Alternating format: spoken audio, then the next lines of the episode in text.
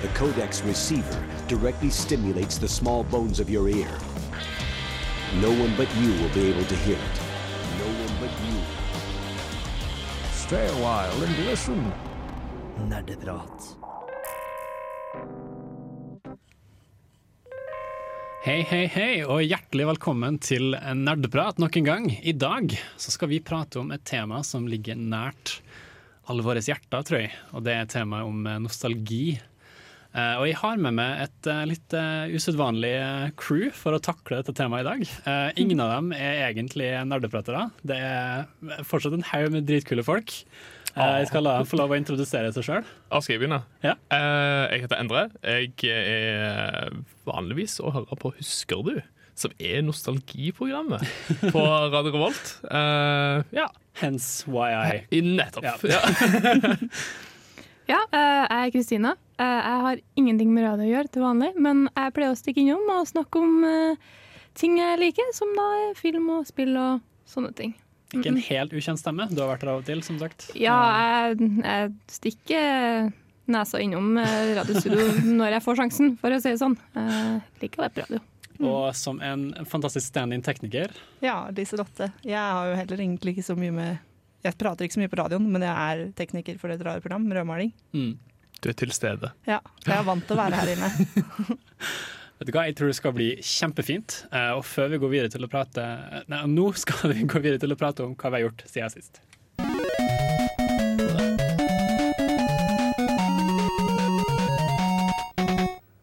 Så ja, siden sist. Eh, siden eh, dere er eh, mine kjære gjester, så må vi forklare dere hva vi gjør eh, på eh, siden sist-delen av programmet vårt. Og det er der vi prater om spill som vi har spilt siden sist.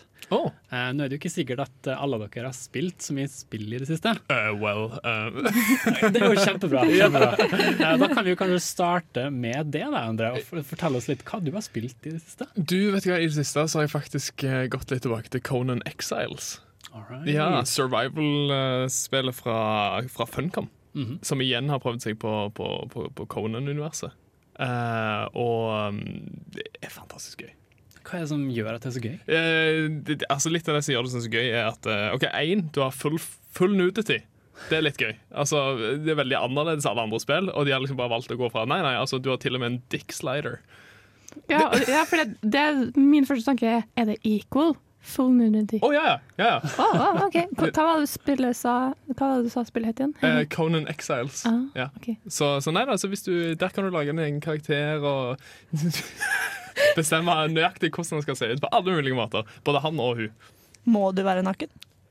Nei, nei du kan faktisk skru av nudity. Du, du kan det òg.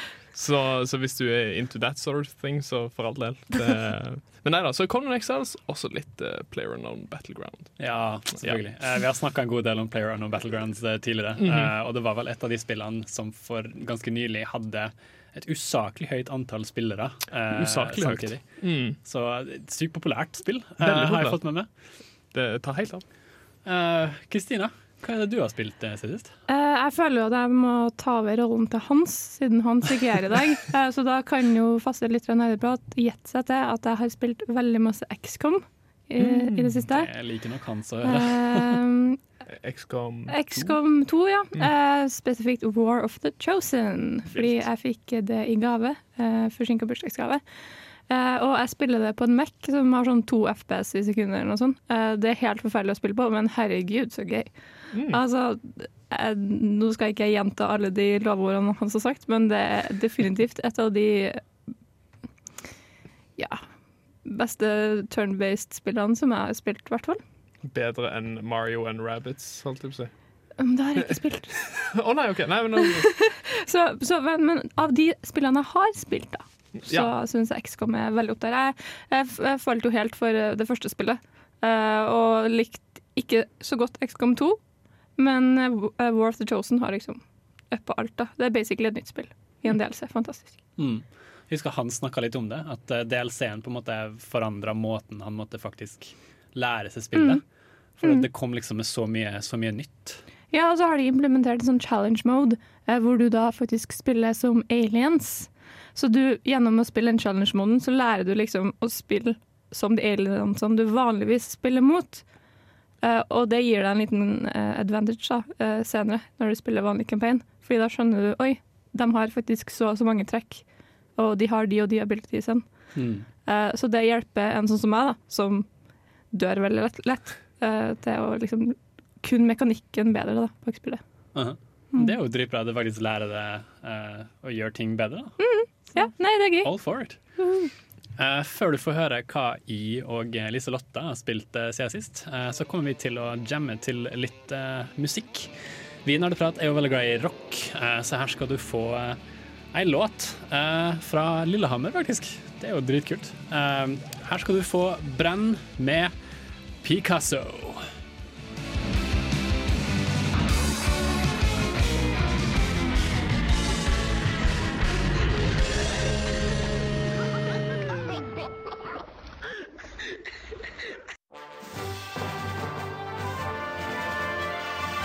Du hører på Nerdeprat på Radio Revolt.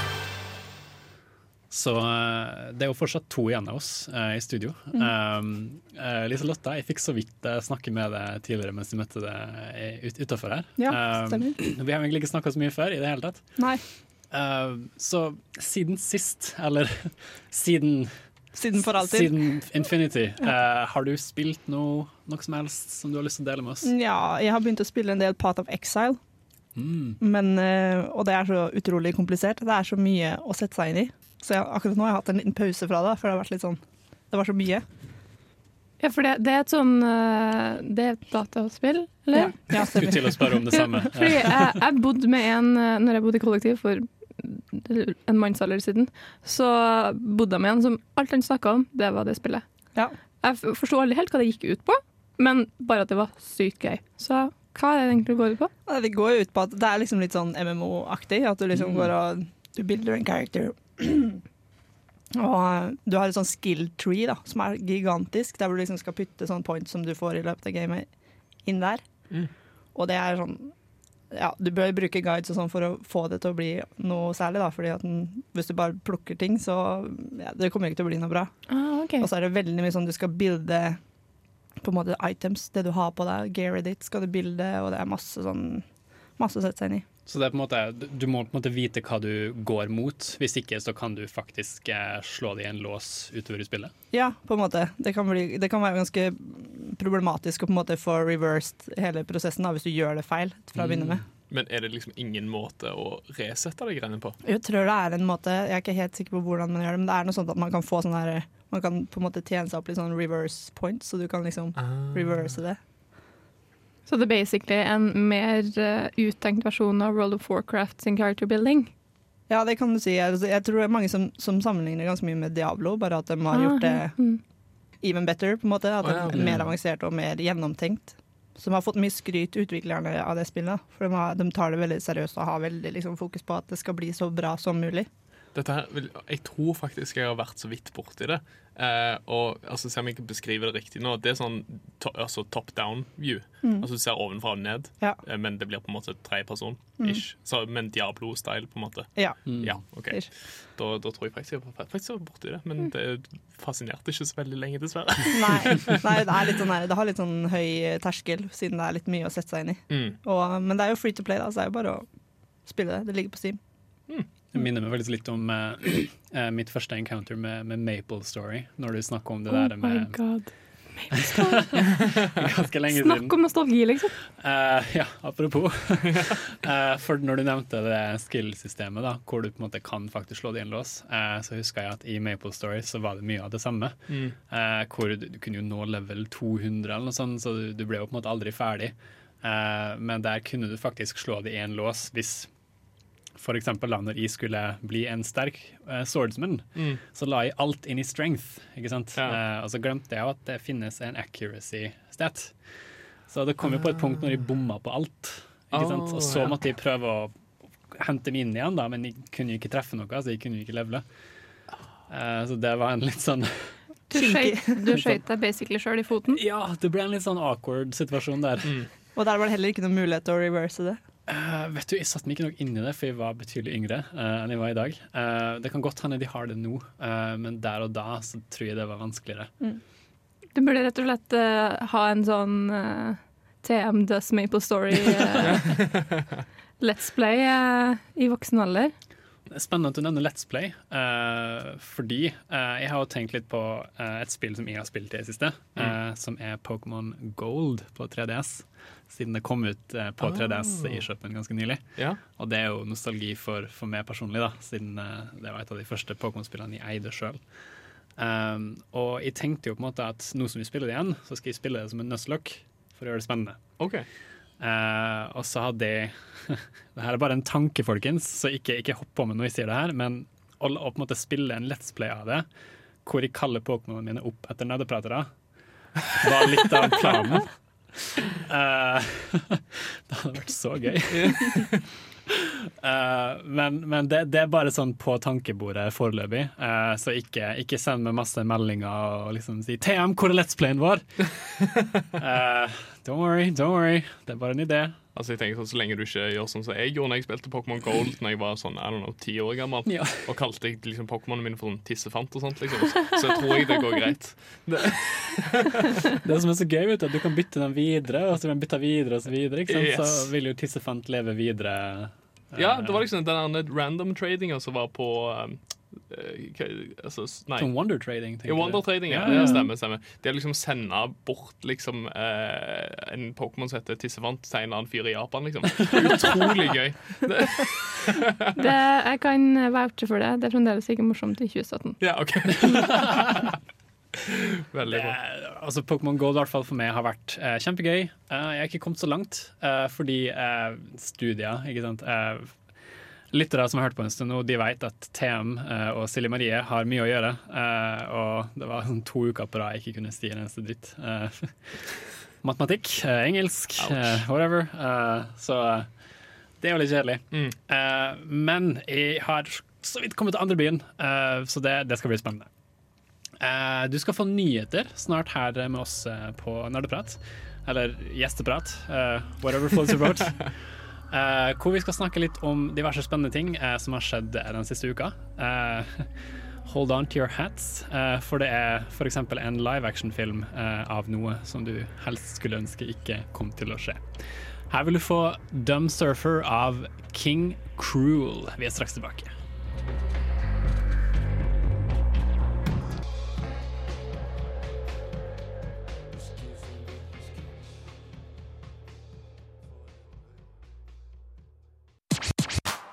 Nerd, nerd, nerdet, nerdenytt. Og i nyhetene i dag eh, så skal vi ha litt forskjellig. Um, vi har fått eh, vite at um, tidligere Square Enix-ansatt har blitt arrestert eh, for å faktisk stokke opp på litt ulovlige eh, 3DS-er. Eh, saken var det at en fyr som het Koji Takada, som har stått for flere spill, eh, blant annet eh, Last Remnant, eh, litt av Dragon Quest osv., har tidligere denne måneden blitt arrestert for å faktisk ja, deceptively kjøpt Nintendo 3DS-konsoller som han mente i kontrakten da var nødvendig. Uh, og dette har foregått en liten stund, Uh, og uh, det er 1,4 millioner igjen det er snakk om. Tap for Square Enix da, eh, i uh, denne prosessen. Men han hadde bare kjøpt Ja. Jeg vil se for meg en sånn gammel japansk mann med en sånn svær frakk med masse 3DS-er på innerlomma. Bare hello! Hva skulle han med alle de her? Sto det noe om det? Uh, greia var at han ville selge det videre uh, på litt sånn egen, uh, Profitt. egen profitt.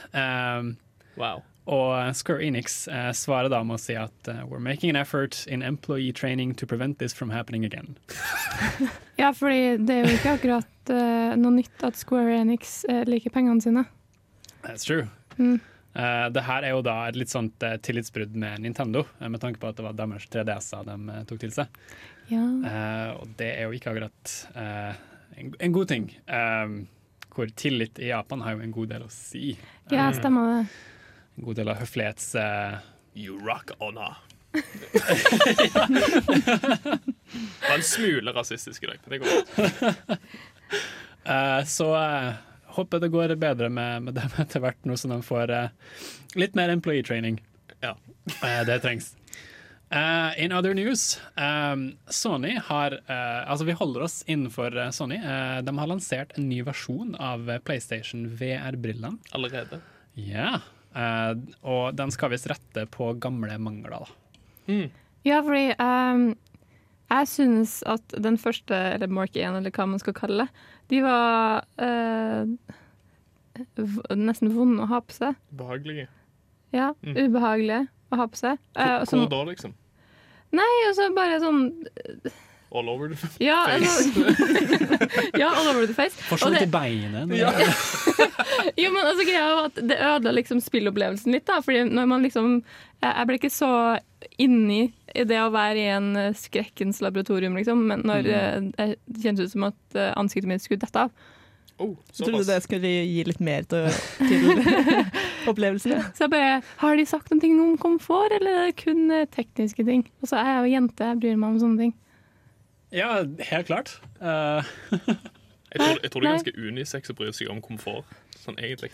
Jo, jo, jeg skulle bare, jeg skulle bare ja, eh, OK, jeg skulle ikke anta ting. Nei. Beklager at jeg Don't assume anything.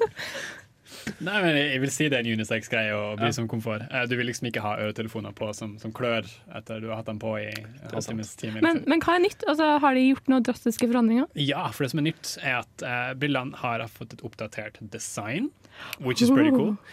Uh, hvor kablene har blitt integrert i selve brillene. da. Uh, I tillegg til at tilkoblingskabelen har blitt tynnere og blitt mer sånn streamlined, skriver da uh, gamer.no. Ja, Streamlined.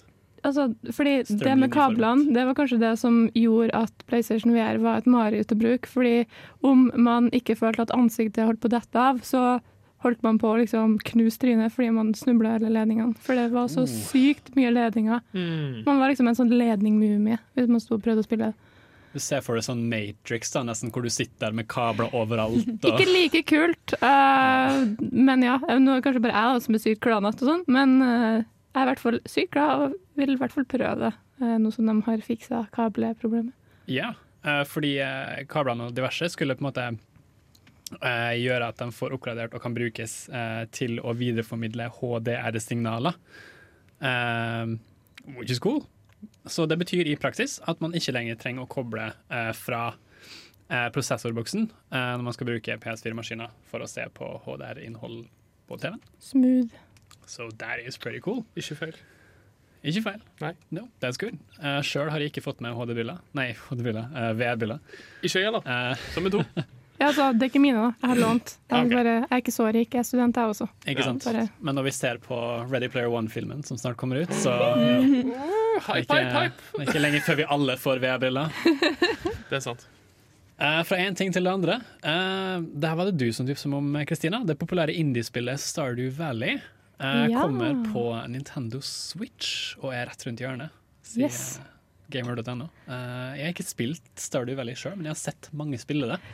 Ja, Kan ikke du altså, fortelle meg litt mer om det? fordi jeg har spilt det. Nei, uh, greia med Stardew Valley uh, Jeg har jo også, som deg, sett på veldig mange spill det. Mm. Um, uh, og jeg ble litt sånn put off, for det ser ut som en glorifisert versjon av Farmville. Eh, nå vet jeg ikke om det er det. Men eh, jeg syns det var en, en uh, kul ting å ta med, fordi at uh, Switch er jo høyaktuell. Altså, det er jo den konsollen som er all the hype uh, akkurat nå. Mm. Eh, og Stardew Valley er jo et av de mest uh, elska eh, spillene på Steam, i hvert fall. Det er fremdeles høyt opp på uh, populærlista. Eh, og jeg kjenner flere som spiller inn som ikke spiller det. Så jeg Mm. tror nok at den kombinasjonen gjør at flere blir introdusert til det. Og det er visst et kjempekoselig spill, altså. Eh, ikke ta min Farmville-hate uh, som diss eh, Stardew Valley her. spiller litt på den der eh, gammeldagse pikselerte grafikken. Ja, og det, er det, som, det var det som trakk meg til det. Eh, men det er bare konseptet som gjør at jeg blir litt sånn turned off. da. Fordi Mm. jeg synes at det ser ut som et utrolig vakkert spill, og jeg tror nok at på eh, Switch så kommer det til å liksom se uh, direkte pent ut. Fordi det er jo på en måte i et sånt format som er best eh, på den type konsoll, tenker jeg da. Mm. Mm. Det tror jeg jo. Eh, jeg har ikke fått med en Switch, eh, men jeg tror det kommer til eh, å bli en eller annen ny konsoll en gang når jeg får tid. Eh, du skal få mer nyheter eh, her hos oss, eh, men før det så skal vi spille av en eh, liten jam som heter Countdown fra King Gizzard og The Lizard Wizard. Stay tuned for mer nerdeprat. Du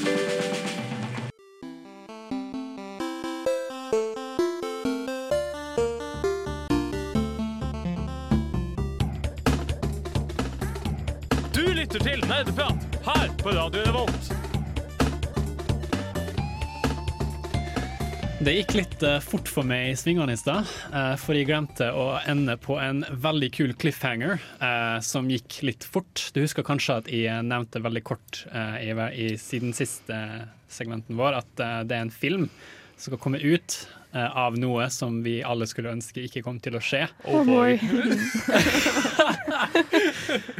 For det var en gang før, for lenge siden, hvor Sony eh, hadde gitt opp prosjektet om å lage en, en, en Sonic-film, og alle tenkte åh, takk og lov, og her er det en live action-film vi snakker om, takk og lov, for det vil ingen se. Men Paramount Pictures har kjøpt rettighetene, og de har annonsert at de skal lage en live action Sonic-film. Oh no. Det verste var at det her, det her er faktisk fysisk vondt. Fordi at uh, altså, Som filmelsker og, og spillelsker, så bare Nei. Nei. Jeg lurer på hvordan de skal få gjennomført det. Sonic de the en- Hedgehog featuring Usain Bolt. Oh my han skal ha god, seg nei! sånn kostyme, liksom. Og, og, og Blueface. Jeg ser liksom for meg Pepsi Man. Ja. Å gud. With Donald Trump as Altså- Robotnik. Har ikke Pepsi fått gjennomgått nok nå? Kan ikke vi bare la Pepsi få, få litt fred?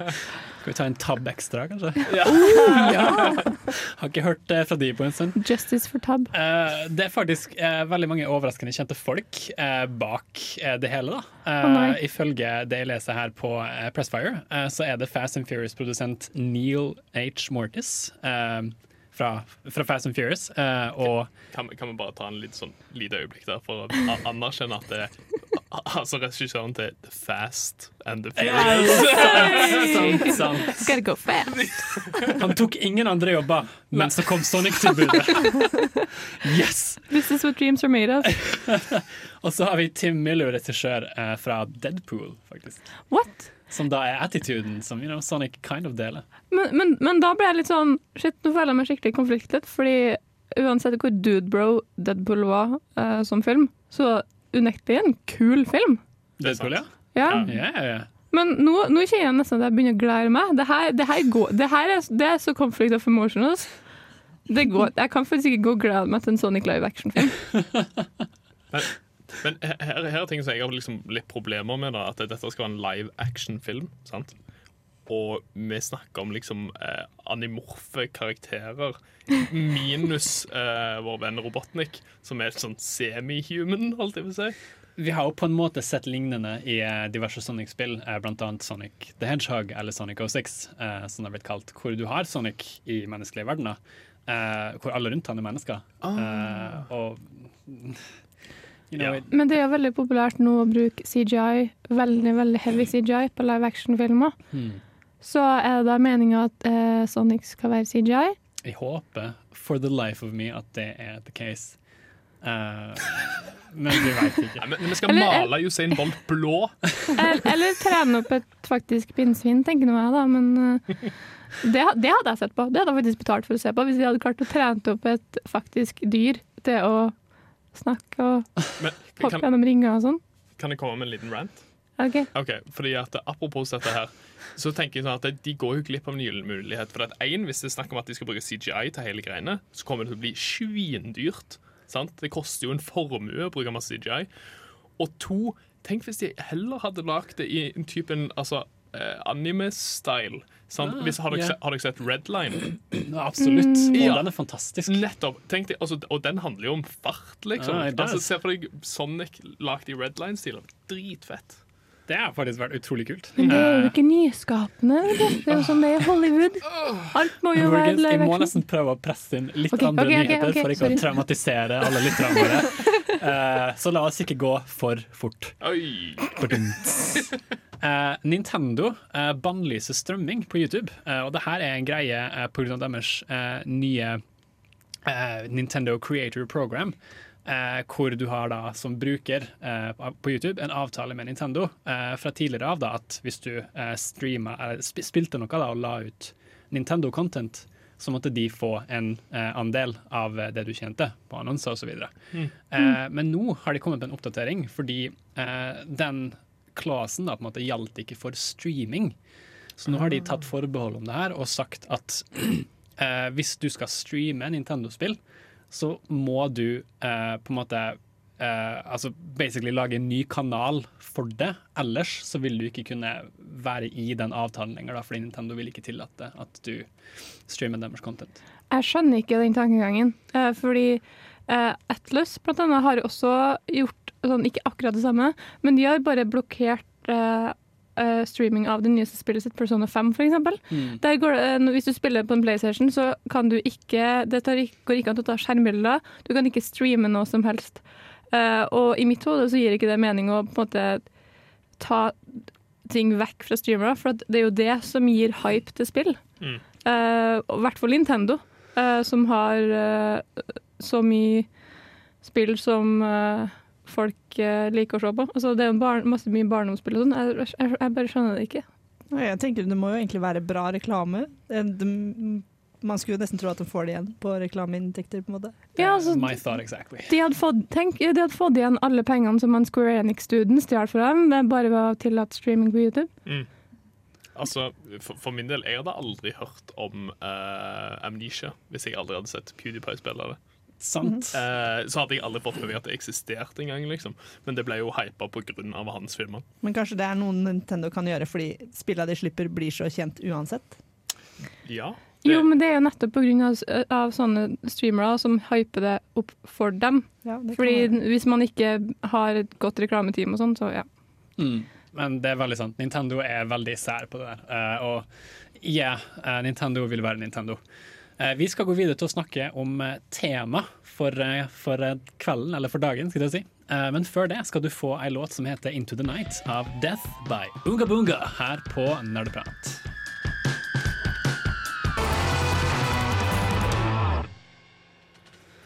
Vi eh, sakker ned farten etter den grusomme, traumatiske nyheten som vi ble utsatt for eh, tidligere, og skal heller lene oss litt tilbake. Eh, drikke litt te og slappe av med litt nostalgi her i dag på Nerdeprat. Og vi har jo mange spill som på en måte har vært med å, forme oss mens vi var barn og ikke fikk lov å kjøpe 18-årsgrensespill og Hæ, gjorde holdt tommelen over uh, GTA-coveret for liksom Hei, hei, kan jeg Ah, kjøpe det? Eh, og jeg tror vi alle husker frustrasjonen å sitte med en Gameboy Color i bilen om kvelden med bare gatelyktene til å lyse opp Ja. Oh yes. Uh, nei, Eh, jeg, jeg kan ikke relatere meg, fordi jeg hadde sånn fancy sånn opplyst sånn lys. Sånn gadget på så Rich kid. men vi vil, få, vi vil få mer av det uh, etter at vi har takla ukas spørsmål. Uh, hvor jeg vil stille dere, unsuspecting victims, et spørsmål for uka. som vi bruker å ha hver uke, da. Eh, og jeg tror det kan bli veldig gøy. Eh, men før det så kommer vi til å eh, ease in med en jam som heter Spliff Temple featuring Mick Jenkins fra X-Mag og Jonathan Stein her på Radio Revolt. Hella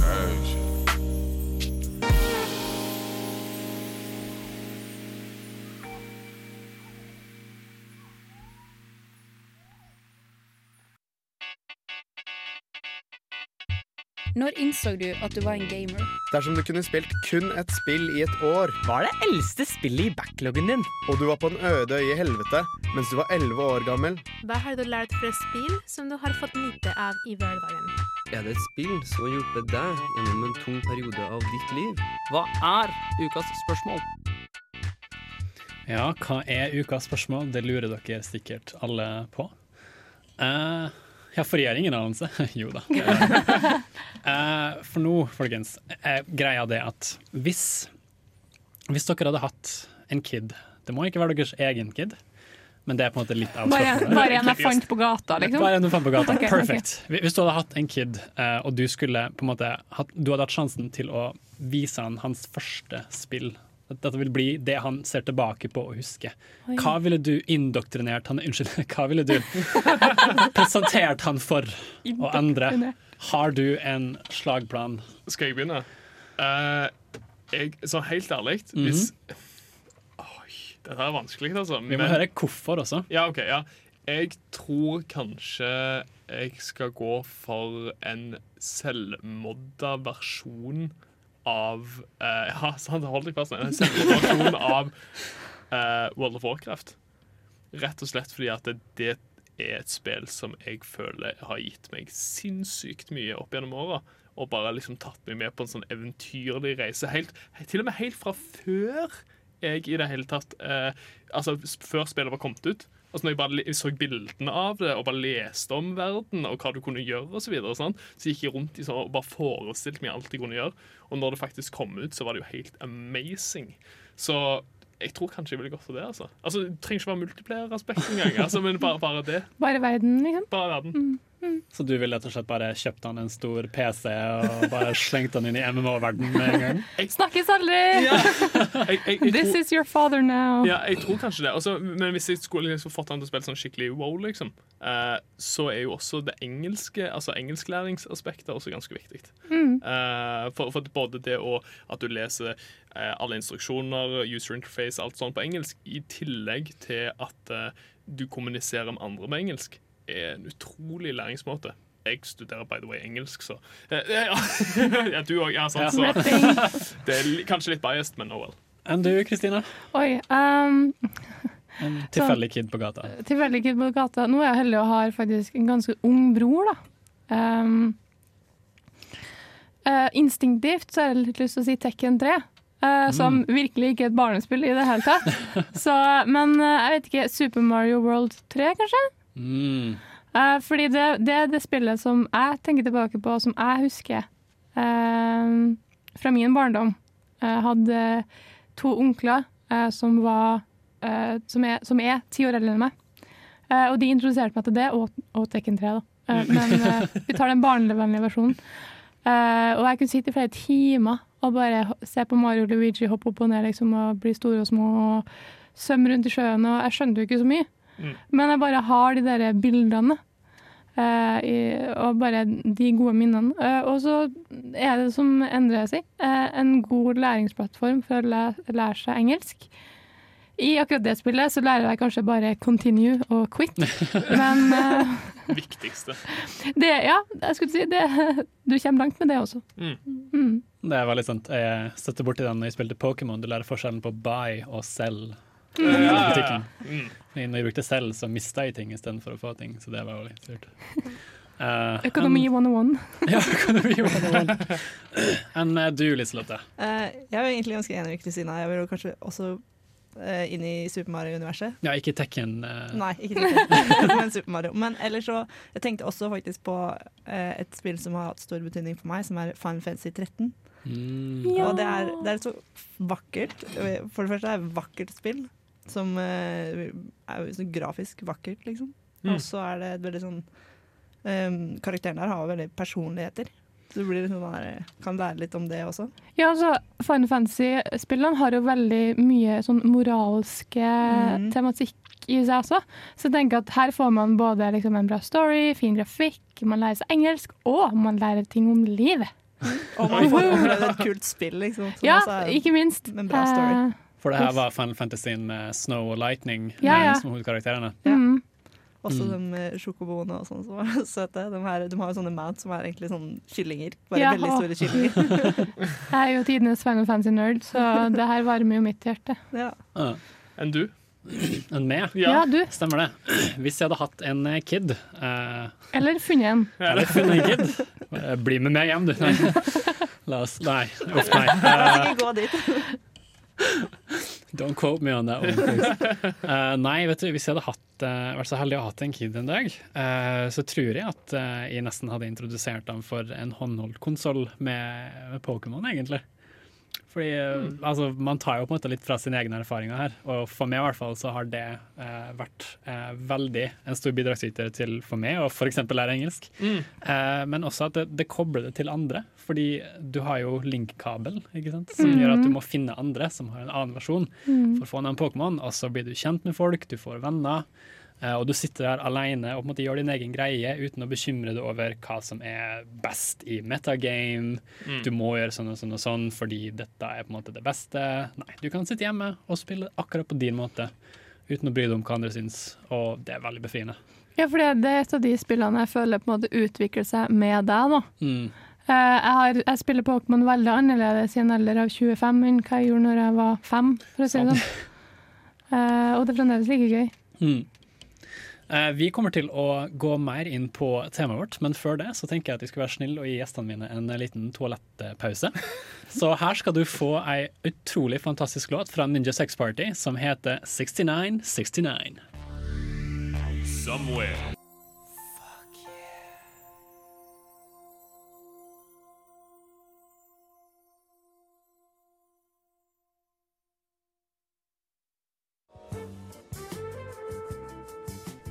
Forskning påviser at ti av ti italienske rørleggere blir tilfredsstilt av nerdeprat på Radio Revolt.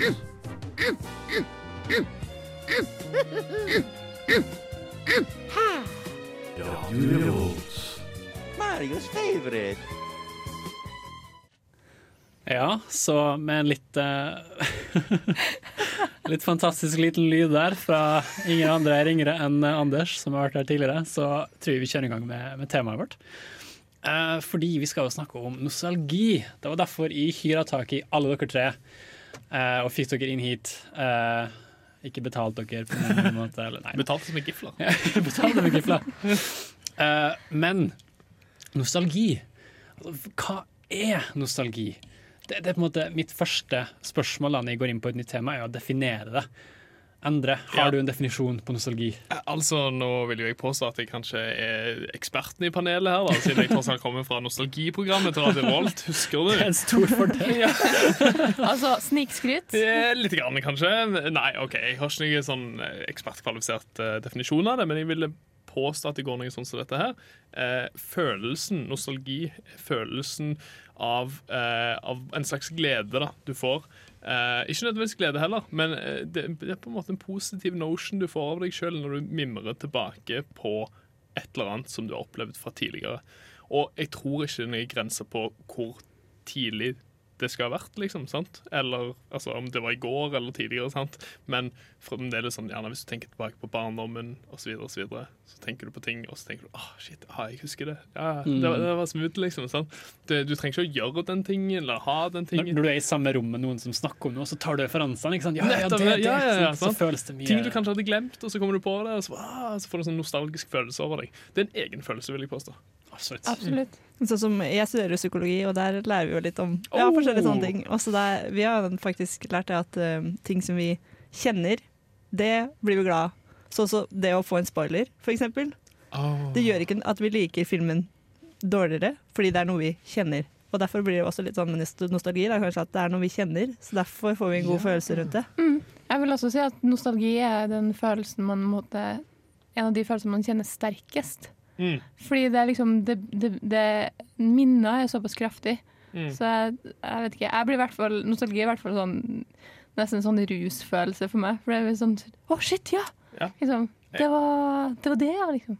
Jeg hadde forresten en fyr som sa, en kompis av meg som sa til meg her om dagen Ja, du husker du flukten fra dyreskogen? Oh my god! Ja, sant? Det, nå, kjære lyttere, så fikk vi sånn eh, k- k- kollektiv nostalgisk orgasme i studio her. Point, point proven. Ja. Gåsehud over hele fjøla. Ja. Ja, jeg vil absolutt si meg enig i at det er absolutt noe eget. Uh, nostalgi for meg er ikke det samme som nostalgi for andre. Ikke nødvendigvis, nei. Uh, eller for Kristina, eller for Liselotta. Eh, det er noe som hver og en av oss på en måte har sjøl. Eh, jeg eh, nevner så kort her eh, hvordan hun ikke hadde spilt Pokémon eh, da hun var yngre. Mm. Men det har jeg spilt masse av, eh, og jeg er da veldig nostalgisk til det. Eh, så det er jo ikke noe Liselotta da kan kjenner igjen relatere til. Nei, ikke akkurat det. Mens når vi nevner flukten eh, fra dyreskogen eh, Så tror jeg vi alle har sett det på Ja. barne-TV en eller annen gang. yeah, ikke sant? Da tar vi alle del i det. Eh, flukten fra dyreskogen var forresten fantastisk. Ja, Og så var det brutalt, Ja. eh, ikke minst. Ja, eh, jeg hadde mareritt eh, om det. Eh, og så gikk jeg konstant rundt og sa 'ikke få panikk', ikke få panikk. Men Liselotte, hva vil du si er altså, Bortsett fra det som er nevnt nå, hva vil du si er nostalgi? Noe du vil tilføye? Mm, nei, jeg vet ikke. Jeg Mm. tror kanskje nostalgi kanskje også henger litt sammen med sånn ja, eksempel når du kommer hjem til jul og den her litt sånn julefølelsen og sånn, så kanskje er, egentlig er litt nostalgi, da. Mm. Mm. Man kan jo si det som en sånn summa summarum, da, at nostalgi er en følelse som er med røtter i minnet. Mm. Ja, Positive minner. Mm. Mm. egentlig ganske kort oppsummert. Mm. Veldig bra. I hvert fall med juletider, eh, som var nevnt. For, det, altså, for eksempel, de spiller jo masse eh, eh, kirkemusikk på TV-en når det er jul, ikke sant? Mm. Og, Mm. altså, selv om man ikke er religiøs eller whatever, så er det liksom det jeg knytter med jul. Det er nostalgisk. Så man blir litt sånn kulturkristen eh, på julaften. eh, Lu- lu- Lukten av pinnekjøtt, ja. Ribbe, for eksempel. Pepperkake Ja. mm. juletre. Det er faktisk bare tolv fredager til jul. Åh, Just saying. Hæ? enda Sånn. færre til eksamen. Wow! Takk for at du var den personen. Men ja, nostalgi, ja. Nost ja, nostalgi, ja. Eh, Vi kommer til å kjøre litt inn med en låt eh, fra GameChops før vi går inn til, å snakke, inn til å snakke om de spillene som eh, vi syns er mest nostalgiske. Og her får du Stardust Speedway av Spindash her på Radio Revolt.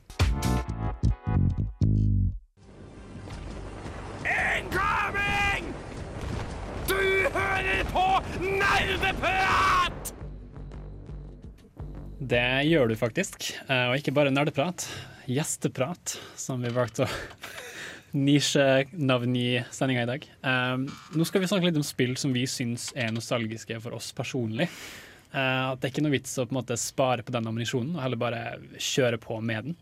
Uh, så Endre, hva, du, du har et eller annet på lur her, veit jeg. Oh boy.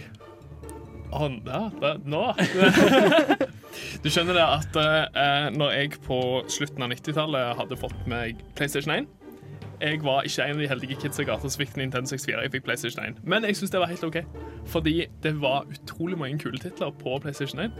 Blant annet eh, det spillet som du hører tracket til nå. Det er Medieval.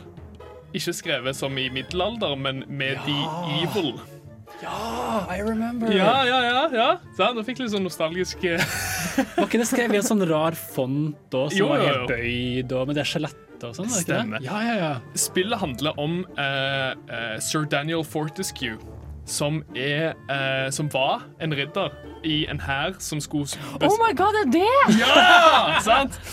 Som han, de skulle bekjempe en ond trollmann, og han var liksom lederen av hæren og sprang først inn i kampen.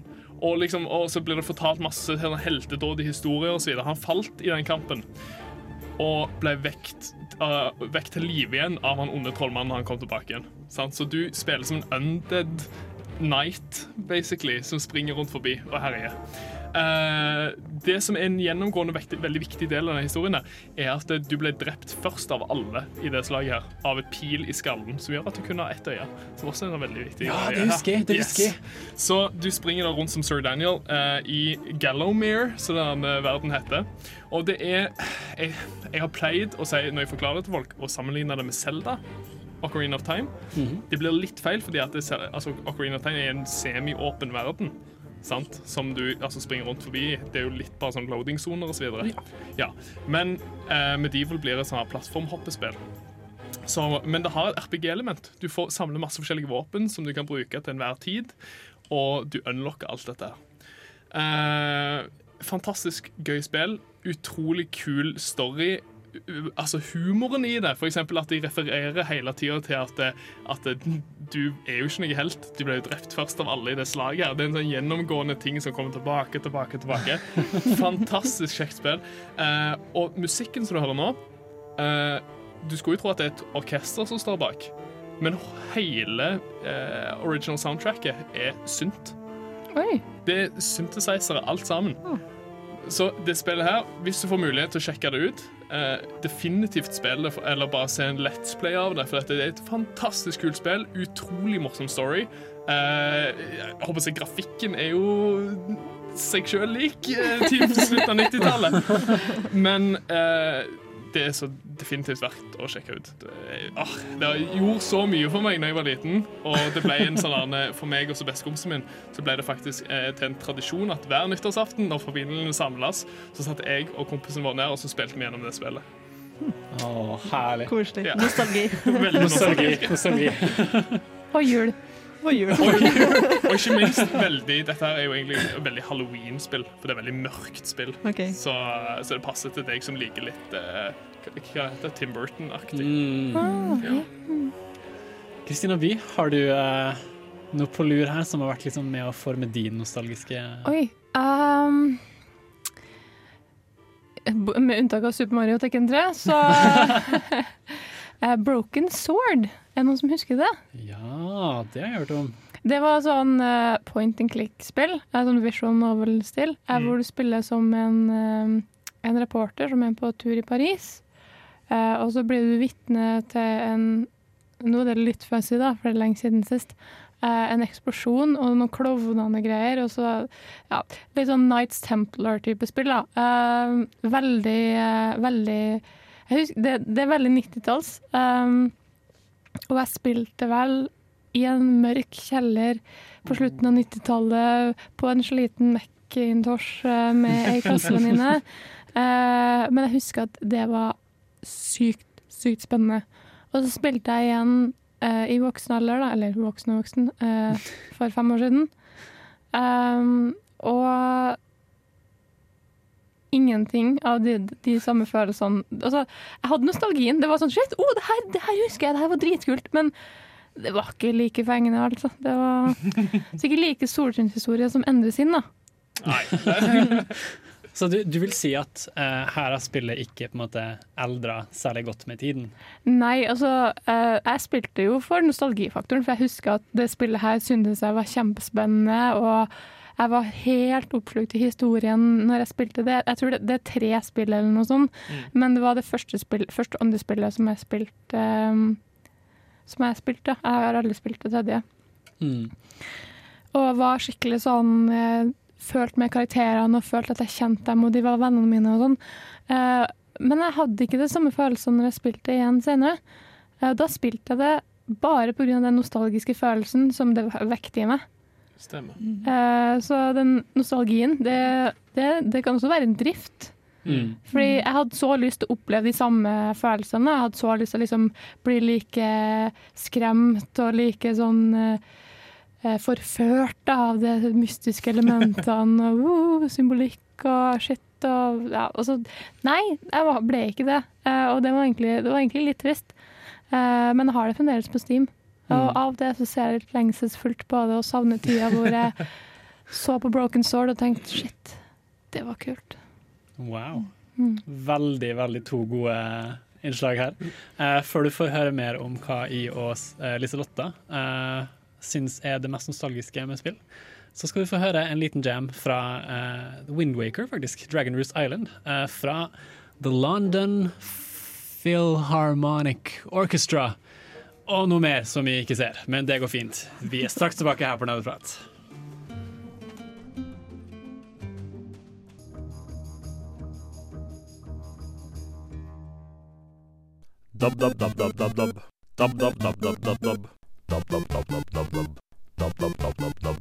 Nerdeprat er på DAB-radio. Dab Dab Dab Dab Dab Det stemmer. Eh, og vi snakker fortsatt om spill som vi syns er nostalgiske. Uh, og neste person i rekka som vi spør ut, er Liselotta. Ja, Spill du syns er nostalgiske? Ja.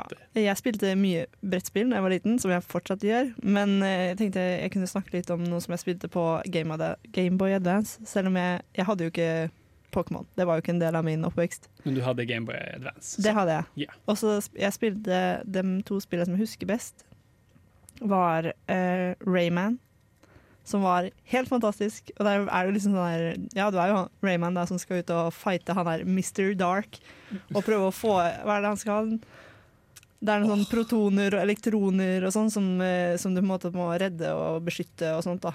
Det er det som er plottet. Har Mm. jeg, har jeg lest opp senere. Men det skjønte jeg jo ikke da. Eh, så det er, sånn, det er veldig nostalgisk for meg å se, se nå, men jeg har ikke spilt det siden jeg var veldig liten. da. Men jeg spilte også et annet som, spill som jeg spilte hele tiden, som het Kuru, kuru, Kururin. som var sånn der, Det er et japansk spill med en sånn Du har en sånn liten stav som snurrer, og så skal du få den gjennom en bane da, uten å treffe veggen. Og da, for da mister du liv, og, så det var liksom, da er det om å gjøre å gjøre det perfekt da, uten å miste noen liv. Og det spilte jeg om igjen, om igjen, om igjen. om igjen På denne gamen. Og veldig den her sånn som du snakka om i stad, at man sitter i bilen på vei til ferie eller noe sånt, og så prøver du å liksom få det gatelysa ned på den Gameboyen. Det kjenner jeg veldig, veldig igjen i. Det er ikke typiske nostalgisymbolikken, Ja. tror jeg, når Ja. du sitter i bilen og har ingenting annet enn gatelysene til å lyse opp. Men jeg vet at de spillene som jeg egentlig likte best, var Super Mario 64. Mm. Uh, men jeg hadde det ikke sjøl, så jeg var veldig mye hos en venninne og spilte det der. Og jeg elska det, men jeg hadde det ikke sjøl. Men jeg, det, det var veldig nostalgisk for meg.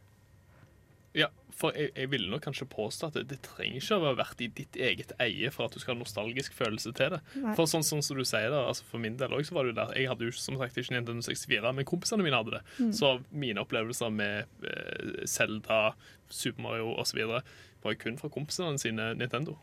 Og jeg fikk ikke min første liksom, spillkonsoll, eh, sånn egen spillkonsoll, før jeg var voksen. Jeg levde jo gjennom den og sånne ting, så jeg kan, jeg kan, jeg kan relatere til den. da, liksom eh, Snylte på naboen, eller bli med den jenta i klassen jeg visste jeg hadde en PlayStation, liksom. Mm. Bare 'Å, du, du, du har en eh, PlayStation, kanskje vi skal spille PlayStation?' ja. Um, vil ikke si at det minsker nostalgifølelsen. Nesten at man kan Det forsterker det nesten, fordi man kan knytte til enda flere minner. Mm. Og da var det også litt, kanskje litt ekstra stas da, når man først fikk spille det. Når man Mm. ikke hadde det Mm. tilgjengelig hele Ikke tiden. sant?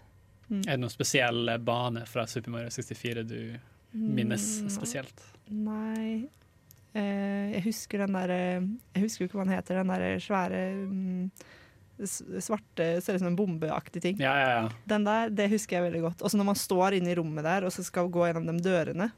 Når man står inne i slottet, liksom, så har man alle de dørene som Ja, man kan altså- velge å gå i. Ja, ja. Eh, og så jeg husker at jeg hang meg veldig opp når jeg var liten i den animasjonen, fordi man ser opp eller noe sånt. Mm. Ikke sant? Og jeg syns, at, jeg syns det så så rart ut, for det så ut som han liksom eh, hadde vondt en plass. Så jeg ble så lei meg, for det så ut som at Mario hadde vondt hver gang han skulle gå gjennom ei dør. Jeg... Barnelogikk, altså. okay. Ja, det la ikke jeg merke til. på, for min egen del i hvert fall, eh, så sleit jeg litt med på en måte altså Det sto f.eks. om Pokémon Stadium, Super Mario World og Paper Mario. Eh, men jeg må si at Paper Mario for meg har hatt en veldig stor impact. Eh, det var på Nintendo 64. Og Jeg husker veldig godt hvordan jeg skaffa det. Jeg var en liten shitkid i Molde by. Og jeg gikk inn på en Det var vel det som blei Arkdal, eller noe sånt. Eh, og de hadde sånn tre etasjer, da. Og helt i øverste etasjen så var det sånn der de hadde musikk og lydbøker og diverse. Mm. Og så hadde de en liten seksjon borti hjørnet med Nintendo 64-spill. I sånne store esker, ikke sant. Ja, ja, ja. Uh, som vi ikke hadde sett før. Uh, og der fant de da Paper Mario, eh, som vi kjøpte og gikk hjem og spilte. Jeg har ingen kunnskap til Paper Mario. Hva er det for noe? Det er på en måte Super Mario bare in paper. Bear with me. I could have guessed, men uh, og det er på en måte et plott hvor eh, Bowser 1 kidnapper Peach. Uh, men, Originalt. Originalt. ofte gjør. og, men du går gjennom det i en litt sånn RPG-fashion. ikke sant? Du okay. har turn-based, du har uh, partnere som er med deg, eh, som også kan angripe. Og det er et stort plott rundt det, og masse historie. Som også fikk en oppfølger som heter uh, Paper Mario and the Thousand Year Door på GameCube. Som er helt fantastisk nydelig bra. Um, og damn Uh, Jeg kunne snakka ganske lenge om det spillet. Uh, men saken er jo den at vi har flere ting som vi er nødt til å snakke om i løpet av sendinga. Jeg kan ikke bare stå her og praple av sted om hva jeg vil snakke om. It's not how it works. Vi vil snakke mer om eh, eh, hvordan spillutviklere kanskje spiller veldig mye på nostalgi. Eh, men før det skal du få eh, Aquatic Ambience fra Insane in the Rain Music her på Nerdeprat.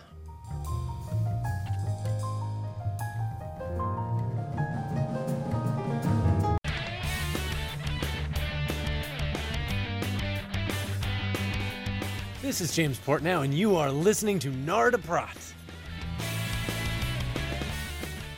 Vi skal snakke mer om spill og nostalgi eh, før kvelden er omme. Eller før kvelden begynner, burde jeg kanskje si. Det er sant. Klokka er, klokka er bare halv seks. Eh, Det er kveld et, et sted i verden, Sam. That's true.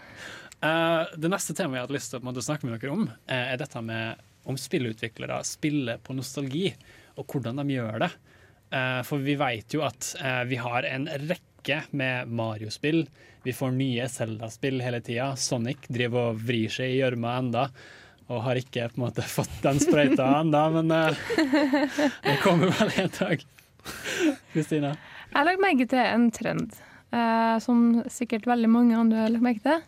Men uh, akkurat som filmer, så er det veldig mange spill, sånne gamle sånn 80- og 90-tallsspill, som har fått remakes. Eh, og der eh, tenker i hvert fall jeg med en gang en sånn lite sånn nostalgiploy da, for å få gamle spillere til å kaste masse penger på en ny versjon av spillet. Eh, Square Enix er jo en av verstingene der. da. Eh, De driver jo og remasterer Final Fantasyene sine opp og ned i mente, fordi de vet at de spillene som de da velger å remastere, eh, er så elska og har så solid fa fanbase og høy nostalgifaktor for dem. Eh, men samtidig så føler jeg at det nesten er litt sånn dårlig gjort, fordi man erstatter jo de her gode, gamle minnene med nye HD-bilder, skal jeg si. Skjønner dere hva jeg mener? Ja. Mm. At eh, de, for eksempel, du, du kommer ut med altså, Pokémon Gold og Sølv, som vi nevnte nylig. Yeah. Uh, uh, ikke, ikke remake, det blir vel på en måte en, en gjenutslipp, fordi de har jo ikke forandret på noe. En remaster er jo når de på en måte gjør grafikken bedre. Og Ja. Eh, men her har de vel ikke gjort det engang, tror jeg. Nei, men det føler jeg på en måte blir noe annet igjen. Fordi da, Mm. pro- da presenterer du uh, Pokémon Gold på en plattform som er mer relevant i dag. Og så Ja. det, det er vel, Jeg kjenner vel bare to stykker som har en fungerende Gameboy Color, og det er meg og deg. Eh, Halla. Eh, så når man på en måte relanserer sånne spill eh, på en plattform som er mer tilgjengelig for allmennheten, det synes jeg er positivt. Men jeg synes at det er litt sånn utnytting da, av spillutviklere utvi, utviklere, og, og remastere kjente, kjære, gamle, gode slagere for, for å tjene mer penger. Da skal jeg ta og rante litt, og så skal jeg si det at eh, ja, igjen eh, det er, den, den her er retta til Bethesda. Vi trenger ikke en ny Skyrim-remake. For nå føler jeg de har spilt på akkurat den der, hvor de liksom de re-releaser samme spillet om og om igjen, selv om de har pustet gjerne litt opp. Og så, jeg vet ikke, Spiller de på nostalgien til folk for dette? Det er ikke så mange år siden det kom. Men har, har ikke Betest... Be, be, herregud, hva sier man det? Bethesda? Bethesda. Be, be, ja. Anyway, uh, har ikke de nettopp uh, sagt at de ikke skal catere til fansene sine? At de er drittlei av Skyrim og sånn nå? For jeg, jeg har lest en pressemelding, ikke, ikke ordlagt på den måten, da, selvfølgelig. Litt mer eh, diplomatisk. Men Mm. at de, eh, de vil ikke lage en legacy på Skyrim. De vil ikke re- re-release Skyrim eh, og lignende spill for alltid. Nei, men altså, det er jo altså, Jeg vet ikke hvorfor de sier det. Det blir det samme som at eh, jeg driver så eh, altså, For det de har gjort, er at de re-releaser det som eh, re-releaser det som eh, først oppussa variant. Okay. Altså, altså, det, det så litt finere ut, grafikken var litt oppussa osv. Sånn special edition. Og så eh, sa de at ja, vi, vi, vi skal uh, reveale noe kjempestort på E3, neste E3. Og så fikk vi på E3 Hva fikk vi? Ja, her kommer Skyrim igjen! Men nå med VR-støtte. Ah, ja, stemmer det. Offisiell. VR-støtte. Eh, så, så, og, og så snu på flisa og si at ja, eh, vi kommer ikke til å høre på dere i releasen i mer nå. Altså, det var ingen som hadde lyst på dette. Nei. Jeg, men jeg tenker da at den store, kanskje store svarte ulven i forhold til det her med å bruke, eller misbruke nostalgien til folk, da, er monopol. Oh, For ja. monopol, de har lagd en milliard nye eh, versjoner av Monopol med de her spillene som vi alle er glad i, sånn at alle finner favorittspillet sitt stort sett i Monopol-versjonen. Nå får jeg et eh, sånt bilde av deg som går på en brettspillbutikk, og så ser du liksom ditt høyt elskede Monopol, og rett ved siden av Monopol original edition, så har du Monopol Minions edition. Å nei! Det er veldig sant. Du, du kan liksom ikke gå inn på Outland uten å finne Zelda edition, Pokémon edition. Eh, jeg har ikke sett så mye lenger på den hylla enn Nei, det. nei, nei. men, Men, eh, det, er noe, det er noe som irriterer meg. Hver gang jeg er på Outland, så ser jeg det, og så tenker jeg ingen liker Monopol, og, og det liker i hvert fall ikke når man matcher sammen de to spillene, da. Ja, for kan man argumentere her at det er også en slags misbruk av nostalgi? Fordi Monopol er jo et øh, Ingen liker Monopol, unnskyld meg. Eh, Monopol er jo et høyt elska og viden kjent brettspill. I hyttesamfunnet i Norge. Og verden. Ja, nei, nei, det er i hvert fall personlig, da, så syns jeg det. At, eh, man, at de Jo, jo, gjør noe man ikke burde jeg er enig. Jeg bare liksom får videreformidle den diskusjonen om, om man kan eh, applikere eh, nostalgimisbruk til andre typer ting, som brettspill og Det blir jo som musikk oftest og. TV og whatever. Fordi hvis noe er successful, så vil det jo på en måte spre seg på alle mulige medier ikke sant? for Men- å selge. Men når skal man på en måte sette ned foten? da? Når, når er det nok? Altså, når, hvor mange live action-filmer av Sonic må vi lide oss gjennom? Jeg tenker at altså, sånn I forhold til spill, da, så burde spillet burde gi deg noe nytt. Mhm. Når de skal remake eller lage en ny versjon, så Mm. burde det, gi, det burde gi deg noe nytt og noe mer. Og ikke bare på en måte egentlig bare være det samme, men med bedre grafikk, f.eks. Mm. Ja, for en ting som jeg, som jeg faktisk liker da, med all denne remake-crazen og remastering-horinga som skjer Unnskyld språket mitt, forresten. uh, er uh, Firaxis og XCOM. Fordi de har gjort det på en veldig smakfull måte. Fordi de har på en måte reintrodusert den type spill da, til en helt ny uh, generasjon av spillere.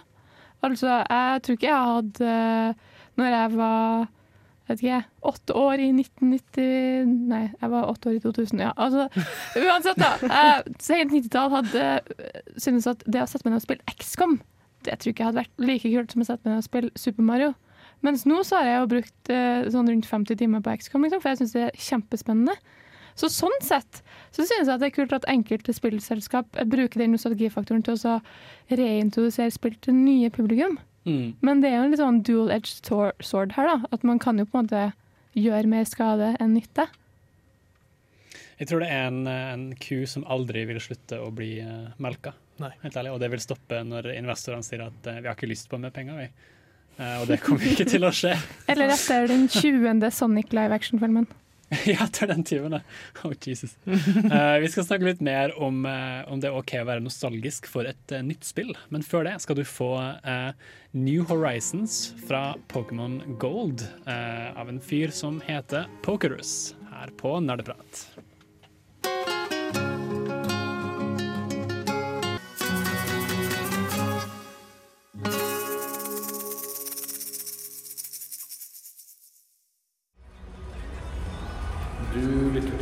Til Nerdeprat fra Radio Revolt. You're listening to Nerd Talk from Radio Revolt. Så ja, eh, hvilke spill eh, altså som er nye, er det OK å være nostalgisk eh, for? Eh, fordi eh, det her er jo litt sånn Vi, vi har snakka litt om nostalgi.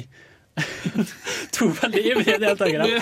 At nostalgi som regel går på gamlere spill. Men er det OK å være nostalgisk for et nytt spill? Andre. Du, vet ikke, nå har jo jeg, jeg har vært inne på det, og jeg kommer inn på det igjen. Mm. For det, det er jo dagsaktuelt. World of Warcraft. Yeah. Det er Altså, spillet går jo fremdeles. Sant? Altså, det er jo fullt spill i dag, det òg. Men det går, jeg føler fremdeles at jeg kan springe rundt i level 110 og kuke rundt i Azeroth eller hvor det skulle vært, og allikevel så ser jeg gamle elementer. Mm. Og så får jeg nostalgisk følelse av det. Og, og da føler jeg på en måte jeg er nostalgisk til et relativt nytt spill. På en måte. Ja, for det er jo et spill som konstant utvikler seg. Ja. Uh, og nå er det, det har jo kommet med Det kommer nye expansions, det kommer nye patcher, det kommer et nytt område nå, det kommer nye raids. Altså, de bygger bare og bygger bare på. Mm. Og så plutselig så er jeg tilbake i Goldshire og bare Å, jeg husker når jeg var level 10 og ble drept her første gangen, liksom. Og der har vi litt en liten sånn throwback til akkurat det som vi snakket om i forrige stikk. Var det at eh, ja, altså Spiller de på nostalgi? Og det gjør de jo strengt tatt, den nyeste expansion, Mhm. Legion. Fordi vi får jo se throwback til når vi tok Illidan i The Burning Crusade, eh, expansion-packen som kom i 2006. Eh, 2006, jeg tror Ja, det. stemmer. Mm. Så, så, så, så du får liksom den nostalgiske følelsen tilbake. Du ser til og med i den, eh, i den cinematicen som de da har lagt inn i den nyeste expansion-packen, at folk har på seg gear og utstyr som var pop på den tida. Det syns jeg er litt kult. Men, eh, litt videre på det Kristina sa, om at når man eh, hvis man begynner å levele opp en MMO-character, og så liksom kommer man tilbake til der man begynte med det. For eksempel de spillene som ofte spiller mye på at du, ja, du skal, kan lage flere characters. Mm. Dem- det blir jo en veldig sånn nostalgisk ting når du da begynner er på sant. nytt igjen, for da blir det liksom bare OK, det her vet jeg åssen jeg skal gjøre, og det, her, det blir litt nostalgisk, da. Ja, ja, stemmer. stemmer. For du gjør jo gjerne de samme quests om igjen. Ja. Ja, og jeg har jo, altså, Nå har jeg snakka masse om Final Fantasy, føler jeg. Eh, men eh, det fine med å være fan av en spillserie som slipper sånn 20 spill i året, er at man får den derre Uansett, da, så blir jeg hypa. Uh, Selv om man kanskje skulle ha trodd at uh, nå som vi begynner å nærme oss uh, 25 spill eller noe sånt, eh, og forskjellige typer spin-offs og sånn, at man skulle bli lei. Men bare noen sier Final Fantasy til meg, så bare blir jeg helt sånn Å, ja, shit, kult!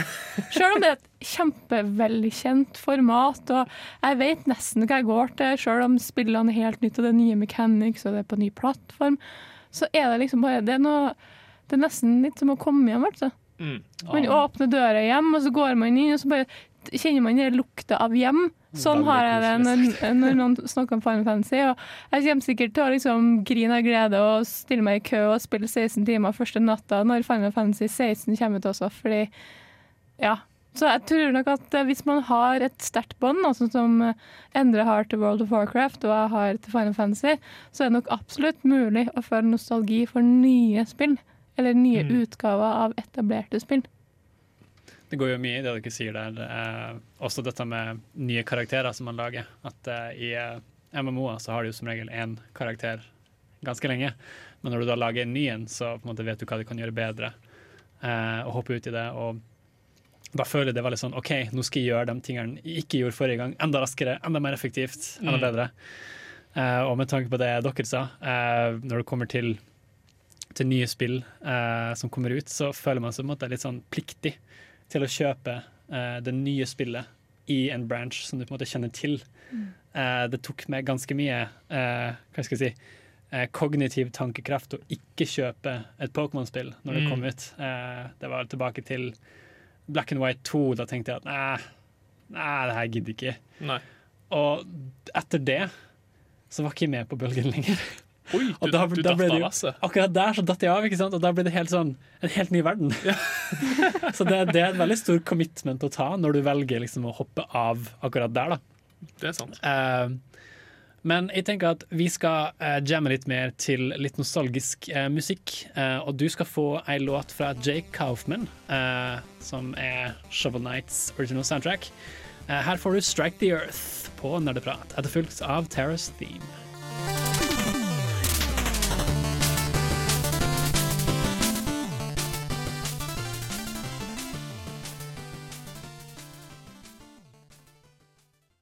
Dette er Bare Egil.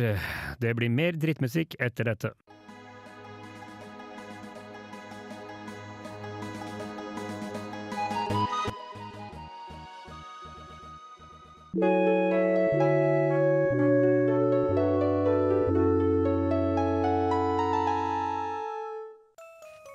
Ja, jeg håper du har kost deg like mye som vi har gjort eh, her inne i studio, hvor vi har snakka om eh, nostalgi og hatt det så koselig med noen hyggelige nostalgiske låter som har eh, spilt litt her og der.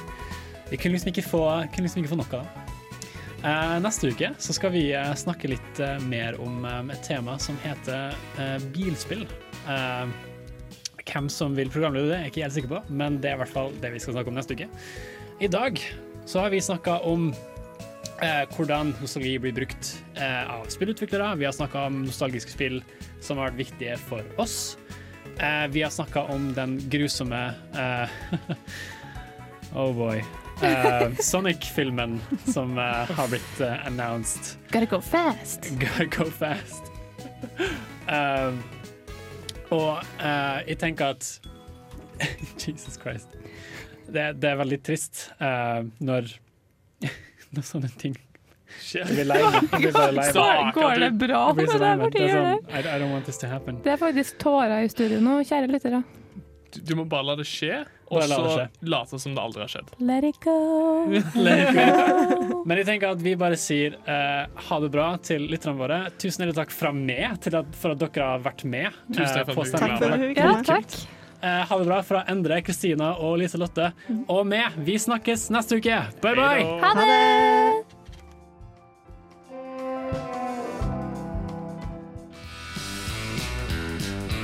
Du lyttet nettopp til en podkast fra Radio Revolt.